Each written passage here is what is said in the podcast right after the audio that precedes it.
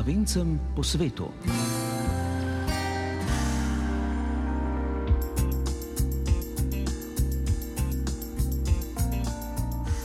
Lepo pozdravljeni, dragi prijatelji naše oddaje, tako na tujem kot doma. September se že počasi izteka, v Sloveniji nam je postregal še z lepimi in toplimi dnevi, pa tudi že hladnejšimi in meglenimi jutri, ki pričajo, da je jesen res tu. Čas trgatov je tudi prišel z jesenjo, kako je s tem na švedskem, nam bo med drugim povedal tudi Janez Ramprej iz Olofströma, ki se na severu Evrope ukvarja z vinsko trto, sicer pa je tudi aktiven član tamkajšnje slovenske skupnosti. Predstavili bomo tudi zgodbo slovenske neuroznanstvenice dr. Valentine Lakovič iz Kopra, ki že 8 let dela in biva v Brnu na Češkem. Najprej pa se bomo podali na Nizozemsko in vam predstavili Marušo Mohar, ki v Leidnu študira klinično neuropsihologijo, hkrati pa se na Nizozemskem povezuje tudi z drugimi slovenci, ki se izobražujejo v tej državi. Vabljeni k poslušanju za glasbo je tudi tokrat poskrbel glasbeni urednik Jane Weber, skozi oddajo pa vas bom popeljala Lili Brunec.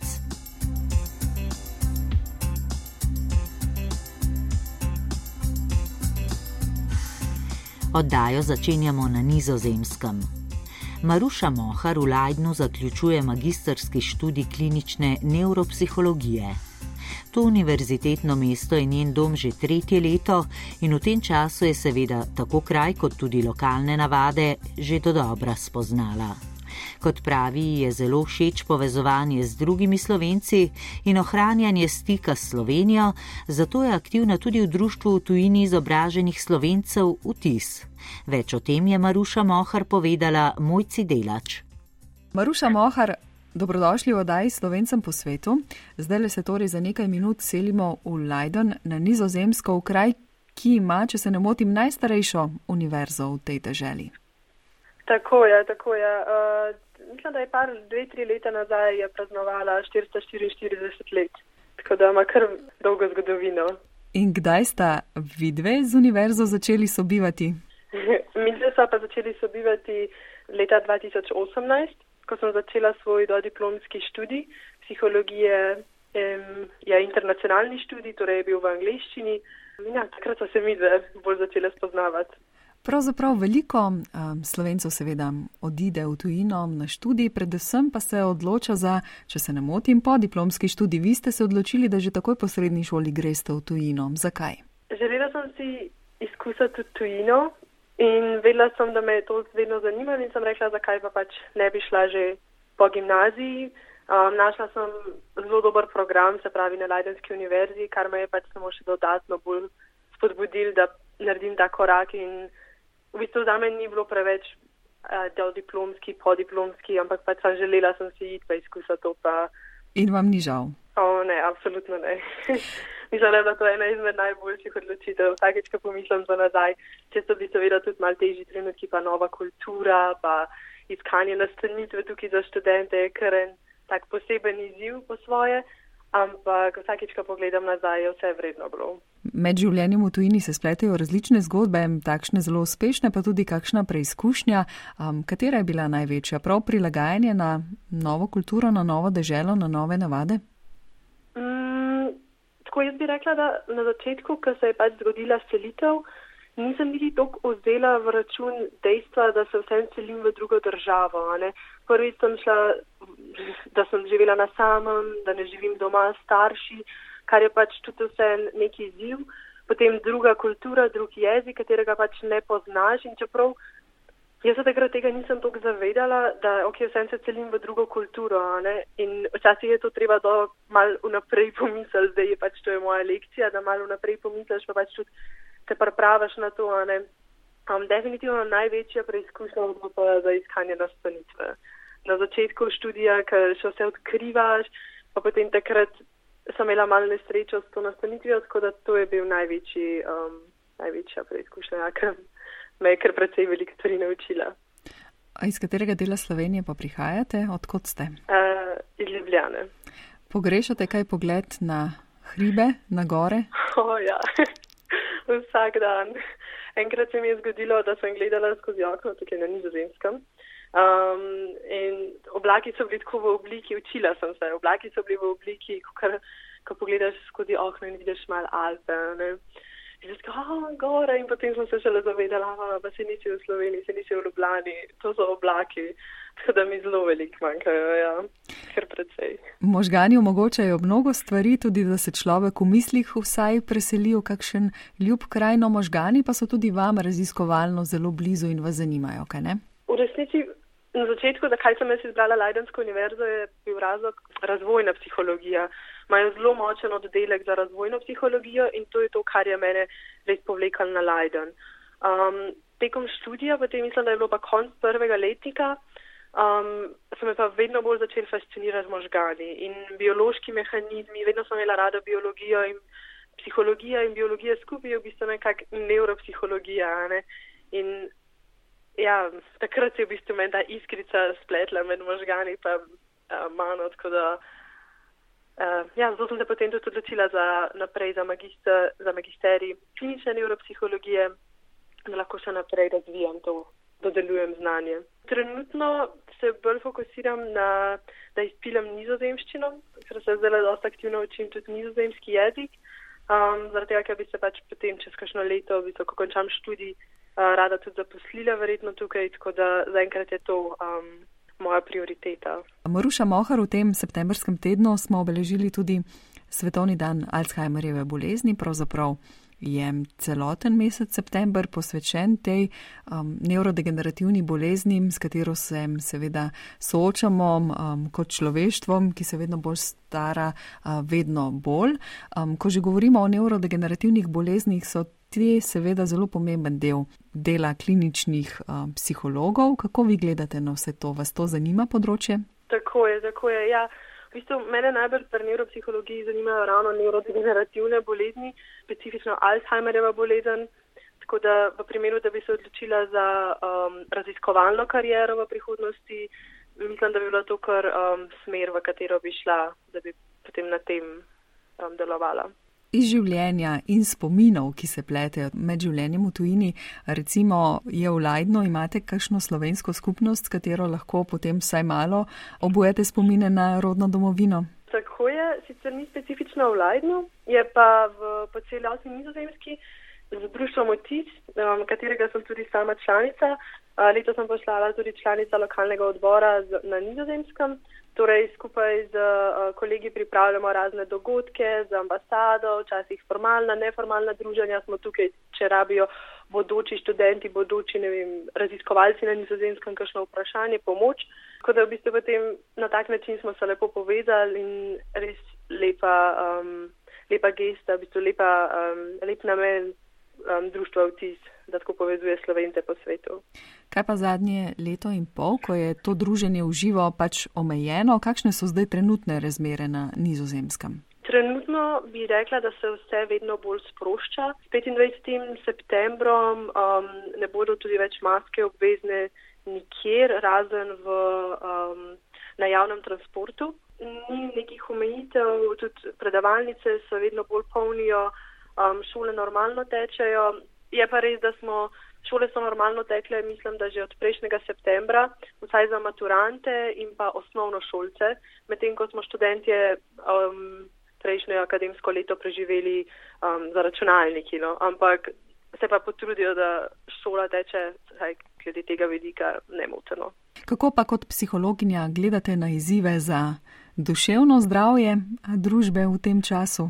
Uh, uh, mislim, da se da tudi vsak se zdaj sooča z nekimi posebnimi izzivi. Mogoče zdaj smo se tudi malo navadili na to situacijo, ampak vsakeč, ko pride nek tak um, psihološki izziv, si mislim, da bi bilo fajn, da gre vsak, uh, vsak posameznik, da bi šel enkrat, dvakrat na leto na obisk psihologu, pa se mal pogovoril, tako kot gremo naprimer k zobozdravniku na redni pregled enkrat na leto pa da vidimo potem, kje stojimo, ali rabimo kakšno pomoč, smo v redu in tako naprej. Tako da to se mi zdi nekaj, kar bi lahko odneslo od dane situacije, da mal bolj ozavestimo um, psihološko dobrobit. Kako se vi polnite in kje, oziroma kaj je za vas sproščujoče? Imate kakšen hobi, se ukvarjate s kakšnim športom? Tako je, eh, zelo rada dan začnem z jogo, um, ki me prebudi, sprosti, pripravi me na nove izzive. Nizozemščina, kot sem že omenila, mi zdaj kar dosta časa vzame študij, tudi kar precej uh, časovno, velik čas za to vzame, no zdaj bom začela magistersko pisati, tako da yoga, šport, prehodi, druženje s prijatelji, zdaj je spet vse to mogoče, tako da tako nekako. Leiden je gotovo zanimivo mesto, če se ne motim, ima tudi botanični vrt, ki je kar znan, uh -huh. um, tako da priložnosti za sprehode v naravo so. Tako je, je pa res, da bi rekla, da veliko manj kot v naši Sloveniji, glede narave. Smo lahko zelo, zelo, zelo hvaležni Sloveniji za tako lepo okolje. Maruša Mohar, kaj v tem času, v zadnjih treh letih, ste se naučili ali pa doživeli na nizozemskem ali pa v nizozemcih, um, kar vas je morda presenetilo, česar prej niste pričakovali, bodi si v njihovih navadah, o družbi, o deželi sami? Mene je najbolj presenetilo to, kako, naprimer, da, se, da greš s prijatelji na pijačo. Pa potem v Sloveniji je navada taka, da vsak enkrat plača počasti. Medtem ko tukaj je, nimajo takšne navade, se pravi, vsakič potem vsak svoj del plača in nič ni posebnega, če naprimer en plača, potem pa prideš domov, pa te čaka zahtevek za plačilo, mi lahko prosim nakažeš, ne vem, tri evre, kot je stal tvoj čaj. to je nekaj, kar je mene, mene najbolj, še zdaj me, ampak zdaj sem se že mal bolj navadila, pa se prilagodim potem njihovem sistemu. Ni potem tistega čisto tipičnega slovenskega, ko se na koncu vsi grebemo, kdo bo plačal. Ne, mislim, mogoče se tudi tukaj grebejo, ampak potem veš, da te bo vedno čakal, tudi da boš poravnal svoj del. Kdaj ste bili na zadnje na obisku v Sloveniji? Poleti. A, res se trudim, da zelo rada se vračam domov, tako da vsak, vsako možnost, ki imam, jo kar izkoristim. Poleti ma, za malo dlje časa pridem po zimi za božične praznike, tudi vmes, če se le da, tako da se rada vračam domov. Kdaj je rok za oddajo magisterske naloge? Oh, uh, februar bi rekla. Jaz sem si sama postavila rok, zaradi tega, ker bi lahko razvlekla to na dve leti ta moj študij, ampak si tega ne želim. Tako sem rekla februarja, ker bi začela s pripravništvom, potem tudi bi rada, da sem zakončana z, končala z uh, magistersko nalogo. Pripravništvo pa verjetno poteka v kakšni bolnišnici. Tako ja, tako ja. Ravno trenutno sem na tem, da poiščem pripravništvo, da začnem kontaktirati bolnišnice in razne druge ustanove, kjer bi mi lahko nudile to, to izkušnjo. Tako da tukaj pa pride nizozemščina prav, zato zdaj pospešeno učenje, kaj ne? tako, točno tako. Povejte nam še, Maruša, kakšen je september ponavadi na nizozemskem, kakšne so jeseni tam?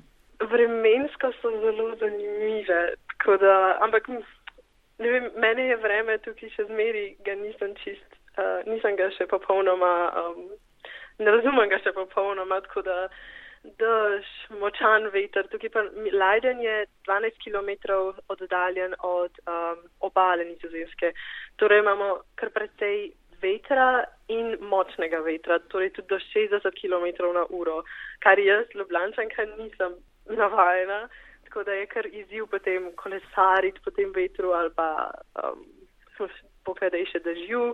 Um, moram pa reči, da nas letos zelo lepo um, vreme razvaja s sončnimi žarki.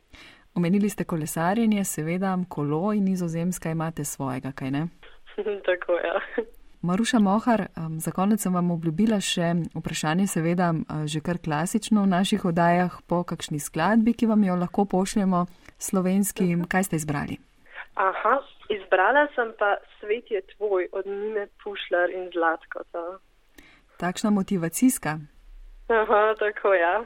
Mislim, da vsak, ki, je, vem, ki se odloča za svojo karjerno pot, je to nekaj, kar je lepo imeti v mislih, da je svet tvoj in da lahko vse dosežeš, kar si zadaš. In ko pogledate nazaj znova na tisto svojo odločitev, da greste po končani gimnaziji v svet onkraj meja, ste si tudi takrat mislili in rekli, Maruša, svet je tvoj, pojdi? Um, bi rekla, da me je implicitno zelo zaznamovala ta pesem, ker smo jo tudi v času mature veliko preposlušali. In mogoče je bil tudi en delček to, da mi je dal veliko več poguma za takšno odločitev. Zjutraj čez okno sonce me pogreje. Sanjala sem svet brez meje, spomin na tebe me nasmeje. Čutim utripe srca, ljubezen je morje, jaz hočem do dna. Hvaležna in srečna vsakič, ko vam zapojem spoznam z enim pogledom. Nova ljubezen lahko se rodi z enim nasmehom, nekomu lahko se dan spremeni, vsak ima vračati ljubezen,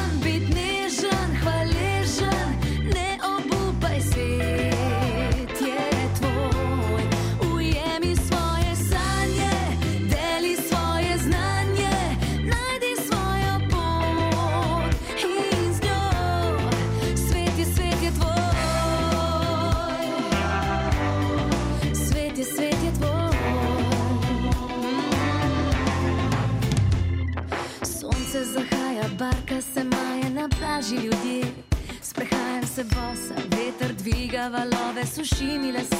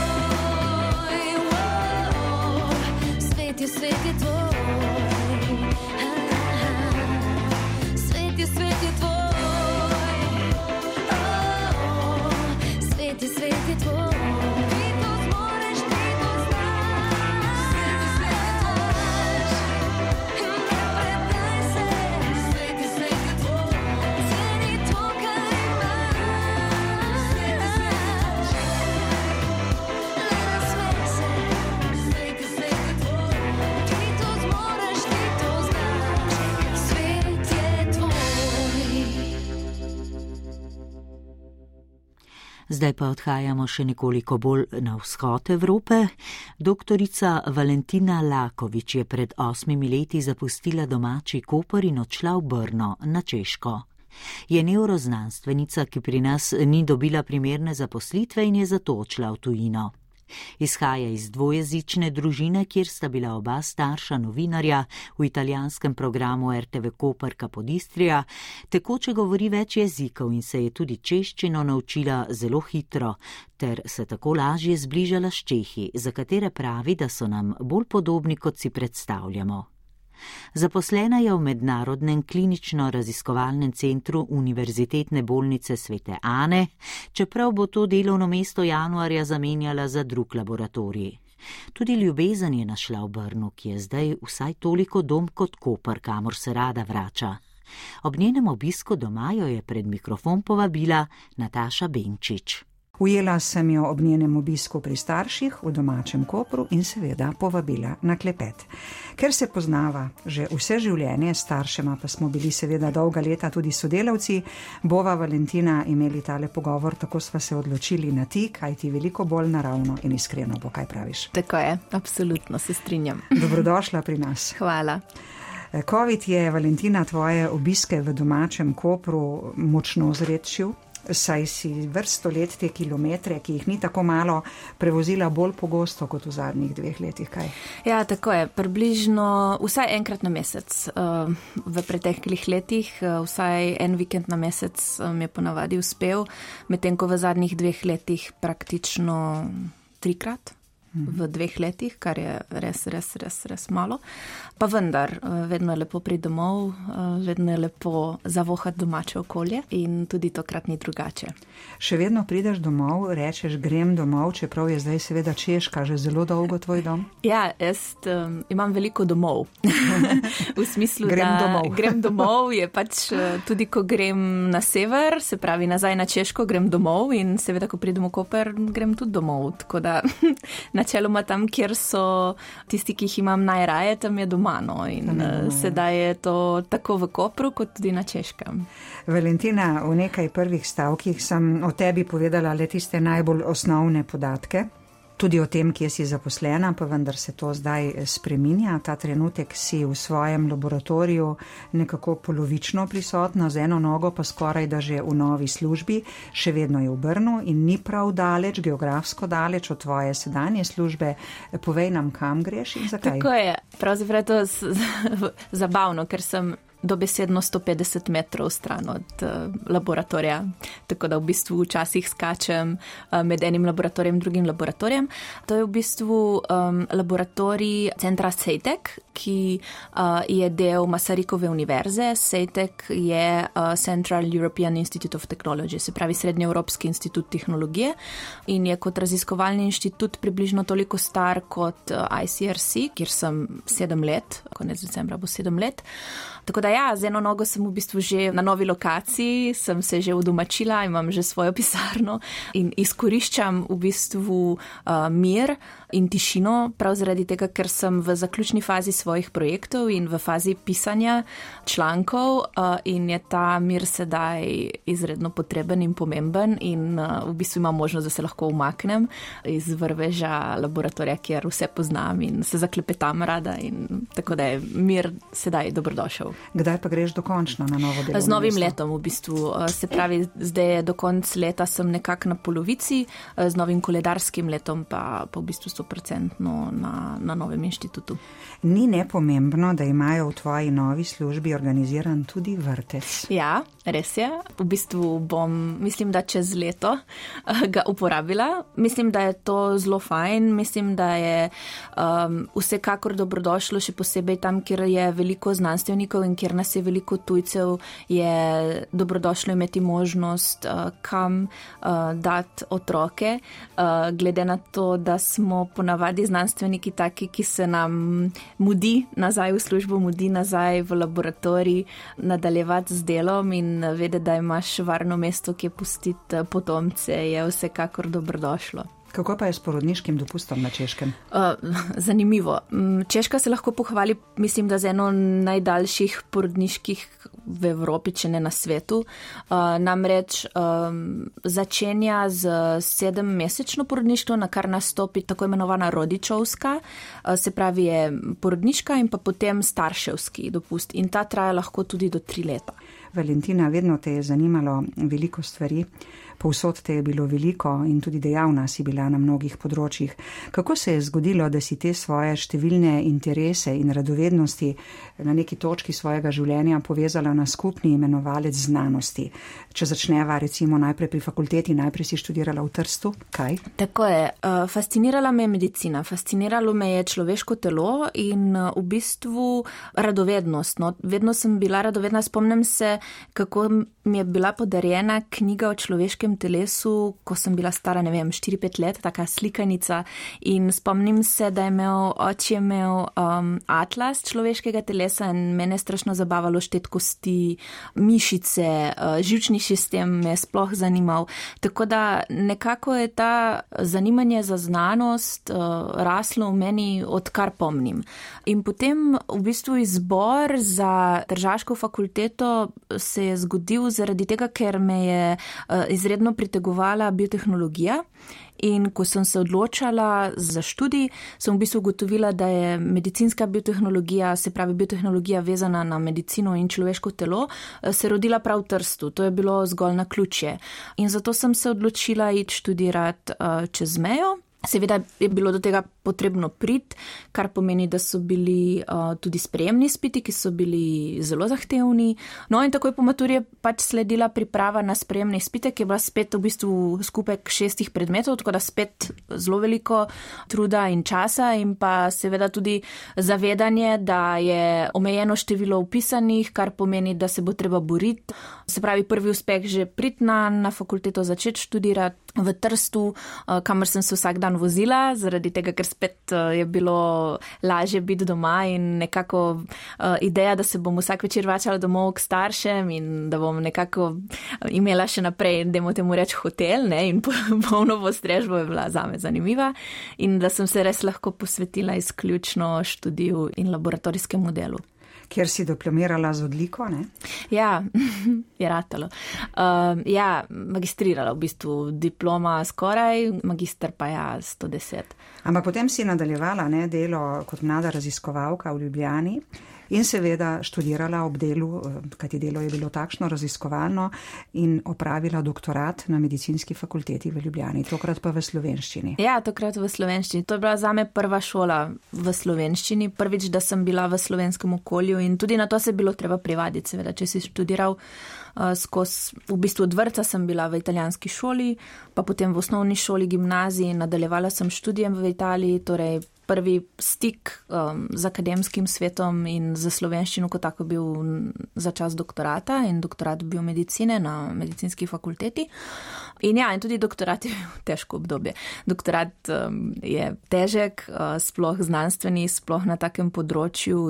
Valentina Lakovič v mednarodnem laboratoriju v Brnu, od katerega se zdaj poslavljaš, vodi ga pa slovenec kar žaburi ne, od tujih jezikov, eh, kajti tvoji kolegi znanstveniki prihajajo dobesedno z vseh koncev sveta.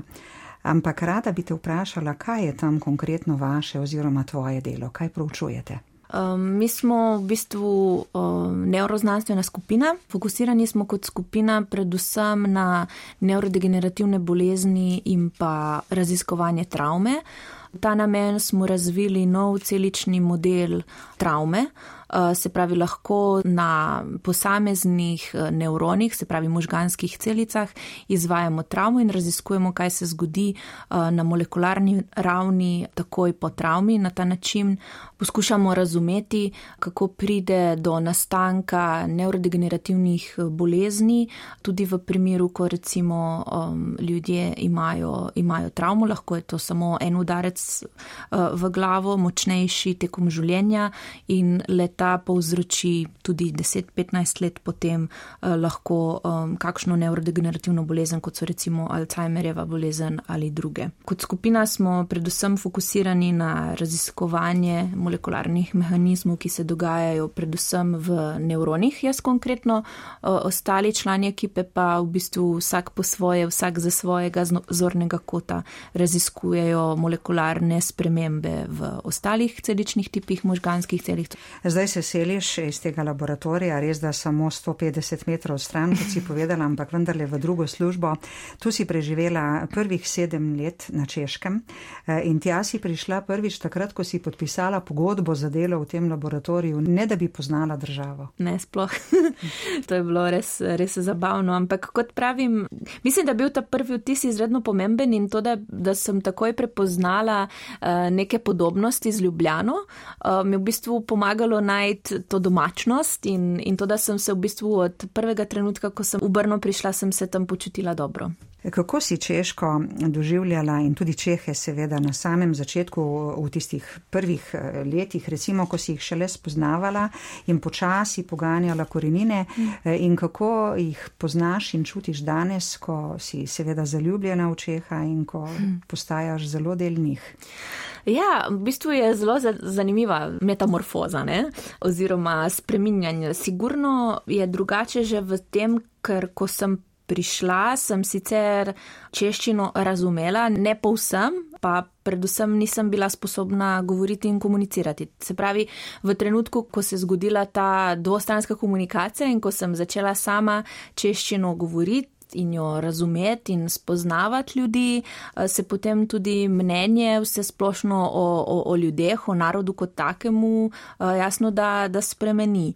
Mislim, da imam srečo, da sem sposobna prilagajanja, tako da v bistvu velikih težav z prilagajanjem sama nisem imela. Eh, je pa tudi res, da smo nekoliko bolj na severu, tako da je tudi najti eh, družbo prijatelje s plest prijateljske vezi je izredno težko in v bistvu uh, zahteva kar dolgo, preden te čehi spustijo v svoj svet, spustijo v svoj dom. Tako da ta, dajmo temu reči, zadržanost uh, severnjaška bolj sigurno prisotna kot recimo tukaj in kot smo navajeni mi ljudje z juga. Kaj je recimo tisto, kar Čehe in Slovence najbolj loči? Puh. Težko vprašanje, kaj nas najbolj loči. Ne vem, kar se tiče pritoževanja, smo si izredno podobni. to, da se oni bojijo prepiha. uh, ja, grozno. Prepiha in zato imajo dvojna vrata, vhodna in uh, boh ne da, da bi bil prepih. Mogoče bolj kot razlike so podobnosti. In mi mogoče zaradi tega izpostavlja raje, raje te ljubezen do gora in pa ljubezen do narave in gibanja, aktivno življenje, veliko gibanja. Eh, Čehi izredno radi potujejo, prav tako kot Slovenci. Mogoče bom malček kritična do Slovencev. Mislim, da so Čehi vse splošno uh, imajo veliko raje literaturo in pa so um, veliko bolj kulturno podkovani. V smislu, da me je zelo presenetilo to, da je toliko mladih redno hodi na gledališke predstave, v kino in, in bi mogoče izpostavila to splošno razgledanost, je mogoče v Čehih uh, bolj prisotna kot pa pri Slovencih. Sem videl lepe ljudi, ki so plesali in se ljubili. Sem videl v svoji dili. Vem, da mi ne verjameš, da se ti to lahko zgodi. Vem, da mi ne verjameš, da se ti to lahko zgodi. Ste videli slona leteti? živordeči raketi. Ste videli slona bežati, prečrnorjavimi škrati.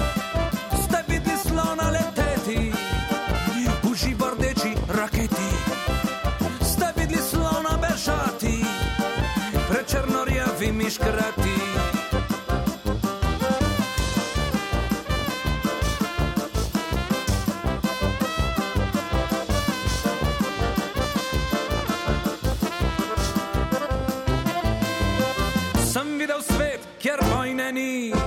sploh ne vedo, kaj je umor. Ropotala so le srca, make love not war. Vem, da mi ne se ti to lahko zgodi. Vem, da mi ne verjameš, da se ti to lahko zgodi. Ste videli slona leteti v živordeči raketi. Ste videli slona bežati črnorjavimi škrati.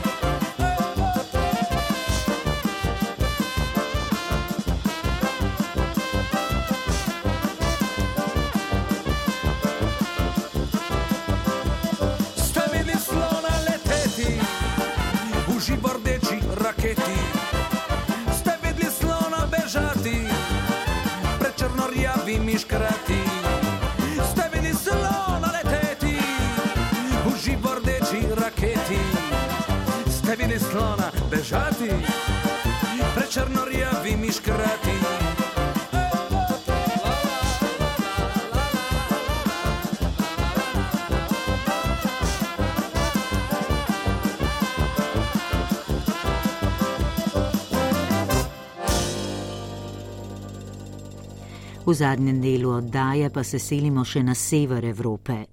Na švedskem po nekaterih podatkih živi približno 5000 slovencev in njihovih potomcev, ki so se tja najbolj množično izseljevali kot ekonomski migranti v 60. in 70. letih prejšnjega stoletja.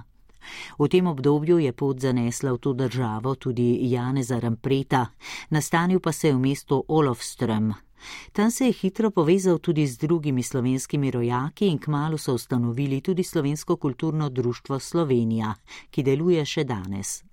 Janez Ramprej je bil več let tudi predsednik tega društva, še vedno pa aktivno sodeluje v društvenih dejavnostih. Sicer pa je aktiven tudi na drugih področjih in ker je že čas trgatev, smo pogovor začela kar z vinogradništvom in trgatvijo na švedskem pozdravljena Slovenija. Pred 15 leti sem nastavil grozdje, ki sem ga dobil ta pravo soto, ki je tukaj mraz bolj in eh, težko da dozorija, ampak spomladi hitro zmrzla. No ja, pa v petek smo brali cele samo rdeče grozdje. Sem ga naprej šel 230 litrov. Navalimo vegen, za božič bo vinček že zapit. Eh, lansko let pomladi mi je zmrznulo vse, da ga ni bilo niti litra a dve let nazaj ga do 180. To se širi vsako leto malo več. Kakšno sorto grozdja pa pridelujete? To je grozdje, reko plavo, rdeče grozdje, ki je z, z Baltiške države. In je tam navajano, ki je tam še bolj mraz, tako da tudi paša za švedsko klimo. Ga niste prinesli iz uh, Halos, iz Slovenije, ne? E, imam, ampak ne dozori nikjer, ko pa o tople grede, imam Izabelo. Sicer ste pa tudi navdušen ribičkaj, ne? Ja, to pa ja, to pa vse moj bi rekel čas, katerega nimam kaj drugega, tako grem za vodo. In uh, lovim vsak dan lahko ujamem štiri ribe. To so postrvi kanadske in so lahko od uh, pol kila pa do deset kil težke. Sicer pa, gospod Rampre, vi prihajate iz Halos, vinorodnega območja Slovenije. Ste morda znanje o vinogradništvu in vinarstvu na Švedsko prinesli že iz rodne Slovenije? Ja, moram povedati, jaz sem šel v doma, ki sem bil 15 let star, ki nas je bilo 10 otrok, jaz sem bil drug in sem šel v rogaško skladno delati. Jaz nisem švedsko nič pa znesel drugega, ko obleko zaenkrat oblečiti in tako drugo sem se pa spet tukaj prvavo. No. Ampak je, to mi je stalno bilo pri srcu, kako se vino gradila, vinsko trto, jaz sem se želel več kot pa na vem milijona. In na kraju mi je pa uspelo, zadnjih 15 let imam zdaj pa. Prej se ni dalo dobiti eh, tako sorto, ki je pripravljena za to, na, da reko, klimo, ki imamo na švedskem ampak zdaj sem jo pa dobil. Tako da vam dobro uspeva. Sicer pa omenili ste, da ste zelo mladi že odšli na Švedsko, to je pa zdaj že precej let nazaj, kaj ne? Ja, zdaj pa računate, da bo 5. oktober bo 51 let. Jaz sem že bil na jesenicah 5 let prej, ki sem šel na Švedsko. Tako da eh, gor je tudi na Gorenska, tudi malo bolj hladno, pa drugač klima. Na. Ampak na švedsko, ki sem pa šel najslabše, ki ne znaš niti, da rečeš živijo, pa je pa haj. To je najkrajša beseda. Jaz sem hotel pač iti po svetu. Jaz sem prišel, kjer sem dobil delovno dovoljenje za enega prijatelja, ki je v prvojakah in mi je zrihtal v nedela premo kmetu eh, z Merskega hriba v Mariboru. Je bila cela družina v južni švedski, to se reče Lövastat in pa so rabili, ja, so imeli kmetije, pa so mleko spravljali, pa ja, teh tovornjaka pa vse to. No in sem dobo, sem delal pa pa njih samo en let, eh, tako pa sem pa iskal podjetje in je mi eden prijatelj, ki smo poznali, so tudi bili tam z Maribora in je delal Volvo. Tako da nam je zrihtal, tako da sem prišel v ponedeljek, to je bilo 71 leta, sem prišel v fabriko vpraša, če bi dovolilo. In so mi že kar ti dan plačali. Samo so vprašali, če še manj kjer ga brat ali pa poznam ga, da hoče vogo priti delati. No, tam eh, je bilo kar veliko zaposlenih, tudi slovencev v Volvu, to je bilo potem že v Olovstromu. Kaj pa jezik? Zdaj švedsko verjetno niste znali, je bil jezik kakšen problem? Je bil začetka malo, ampak je, je človek mlad, jaz sem bil 22 let star, ker sem prišel, tako da je človek samo Facebook poslušal, pa se je človek naučil, tako da, da ni bilo problema. Ampak je tako, je težje, če si podjetju, ki si bi rekel na proizvodni, nimaš toliko eh, kontakta z ljudmi, da samo delaš svoje in eh, to je ropotalo, da nisi več slišal. Tako da smo se razumeli malo z rokami, pa malo mu, mu pa je šlo. No, zdaj pa seveda švedsko zelo dobro. Že obvladate, nastanili ste se v Olofstromu, to je mesto na jugu švedske, ne, ni prav veliko, ampak veliko je bilo pa priseljencev takrat tam, ne le slovencev, kaj ne? Je bilo največ jate, kar je bila Jugoslavija, še to so bili dol, ja, Srbije, Bosna, Hrvaška. Podjetje je bilo stabilno in tako 16.500 je, bi rekel, v občini v stanovalcu. In slovencev je veliko med njimi? Ni nas to, koliko smo računali, da ni več kot 12 družin ampak imamo pa, bi rekel, okrog 100 km, bi rekel, območja, ki so, mi smo bolj razstrešeni slovenci, mi smo bolj navajeni na dežele, pa hišo, pa tam tako da prav mesto ni veliko, zato je za društvo, ki imamo, to je strašno težko, ljudje so starejši, čez 70 let, na, tudi jaz med njimi, jaz sem rojen 48 leta in jaz rad vozim še zmeraj, ampak je veliki na, na upaj več v avtocest tako da je težko. Sicer pa vi ste stik s slovenci hitro navezali, ko ste prišli v Olostron, kaj ne? Kako ste se ja. povezali takrat, ko ste prišli s slovenci v Olostromu? Eh, takrat, če niso bili organizirani v kakšno društvo, ne? Ne, mi, ki smo v Olostromu prišli, ki smo jaz, naprimer, jih je že bilo nekaj. Je pa bil eden Milan Stac, ki je strašno, bi rekel, podam to noti in je to bi rekel največ pomaga, da je društvo nastalo, ja, vsaka močas, da je društvo nastalo in eh, pa se razvijalo. Popa, ki je končil za Slovenijo čez leta, smo imeli enega, ki se je pisal Ciril Stopad. In on je pa dal so življenje za društvo in po nas je bilo na 270 članov pomeli in eh, iz cele Švedske, še tudi Norveške je dobo člana. No, zdaj je pa tako, da nobeden noče prevzeti to in nobeden ni to, to upalan nota, to je že malo poznanstvo tudi. Jaz imam veliko tis, da za 20 let na venči še bo društva ostajala v Švedski, ker mladi so se čim več privadili švedskemu življenju in nobenega ne moreš dobiti, niti ne pridejo, ki imamo štirikrat na leto srečanje, da bi prišli tam. No, to je Društvo Slovenija, ki ja. bo čez dve leti praznovalo 50-letnico, ampak včasih ste bili pa zelo aktivni v društvu, imeli ste veliko dejavnosti, ne? Otroci so bili majhni, zato je bilo lažje, nekaj smo imeli šolo, tudi eh, slovensko šolo, vse. In tisti so zdaj, takrat, ki so v šolo hodili, to tudi moja sina, so dva zraven. Tisti so zdaj 50 let, pa malo več je plus. In Tisti imajo svoje življenje, jaz sem prav zadovoljen, da je moj sin ta starejši prevzel to čez. Jaz imam občutek, da za 20 let ne bo več družbo slovenski. Ampak ljudje še bo izmeraj govorili slovensko, je pa tako. To so pač notbe, rekel, ulili kar noter v švedsko življenje. No, tudi v okviru društva ste skrbeli za ohranjanje slovenskega jezika. Slovenska šola je tam bila aktivna vse skozi, tako da tudi mlajše generacije niso pozabile slovenščine, ne? ne. Kaj pa danes, kako je pa danes slovenščino pri vas? Pa nas otrok je manj, zelo stremo moram reči, pa nam in našem društvu ni nobenega slovenca, da je poročen slovenko, teh mladih. In zato je težko, da bolj ne, ne znajo slovenskega jezika več.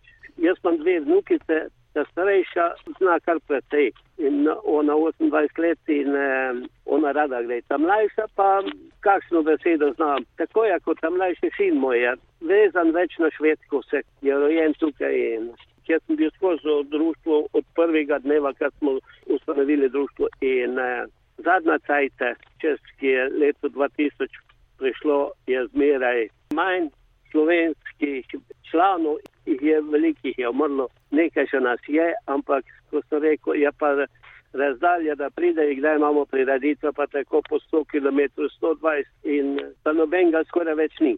No, sicer pa tudi na švedskem se niste mogli izogniti pandemiji koronavirusa, kaj ne, ki je tudi vplivala na druženje in eh, družabno življenje med slovenci tam, ne? Še dodatno. Ja, to, pa, to pa res. Cel let nismo imeli v našem, ki imamo klubski lokal, nismo imeli nobenega srečanja. Zdaj smo imeli tole vinsko trgato, smo imeli tako, da smo malo se srečali. Nas je bilo 31, sploh vsi mi, ki smo v odboru, se nismo mogli zamisliti, da se na to lahko zbralo. In so še tisti, ki so 80 let stari, so se predpalali. Zapravo bi smo imeli piknik, zdaj bomo imeli pa oktobra 16. bomo pa imeli vinsko trgatev. Tu bo nas je lahko tam do njih 25, ja, 30, če samo stisnemo. Ampak je, zdaj smo imeli pa na mojem sinu, ta starejšen, ki ima en tak hotel veliki in so bili strašno zadovoljni na pikniku tam, tako da ima vse, da lahko poslušajo slovensko muziko, not pa vse.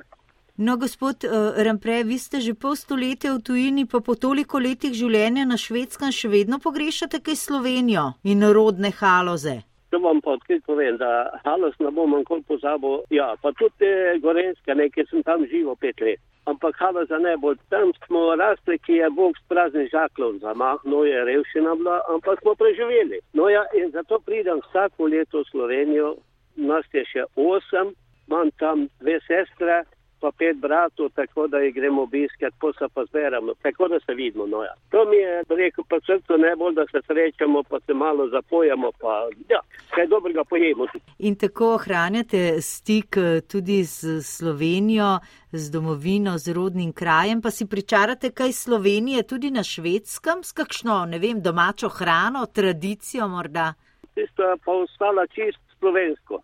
Jaz se kuham, ko pravijo na primorske meneštre, joto, klobasa sam delam, polento, peščančjo baro, vse domačo hrano tako. Tako da imate čisto slovenske narodne jedi doma. Ja, absolutno. To je bilo začetka, ki je žena bila in to je ostalo in to tudi otroci hočejo.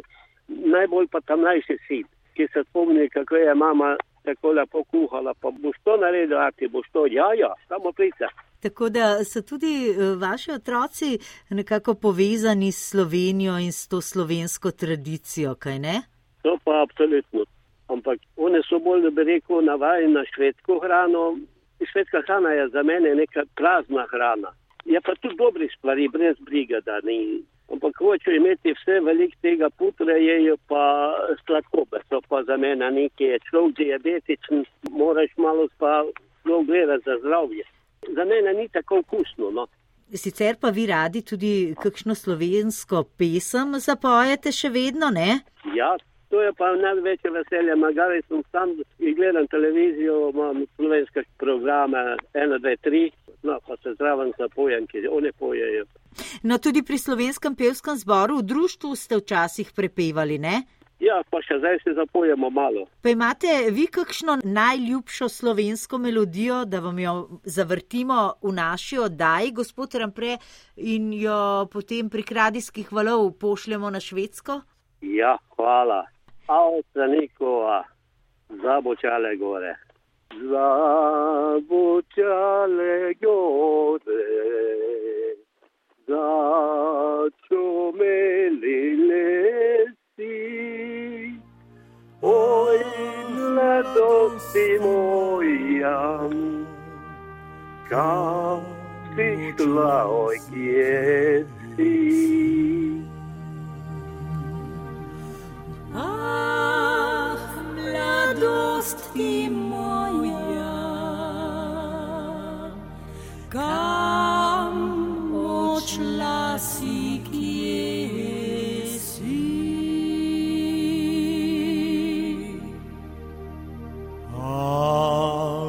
Mladosti moja, kam si se zgubila?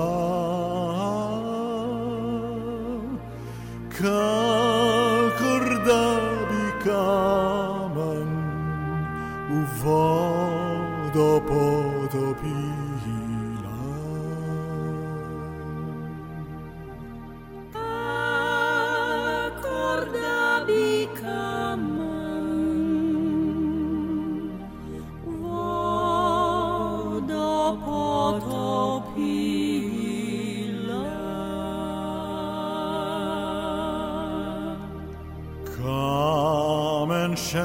ta kamen u vodi se obrne.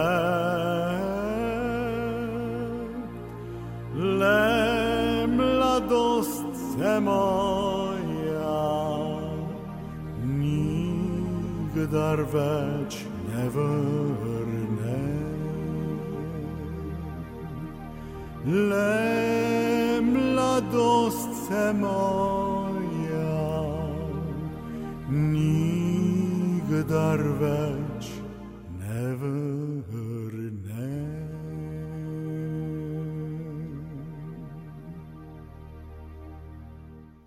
Pred koncem oddaje dodajamo še dve novici.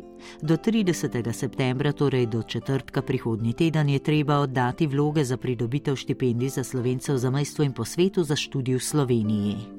Štipendije so namenjene pripadnikom avtohtone slovenske narodne skupnosti v sosednjih državah in potomcem slovenskih izseljencev s slovenskim državljanstvom ali brez slovenskega državljanstva, ki živijo v tujini in želijo študirati v Sloveniji.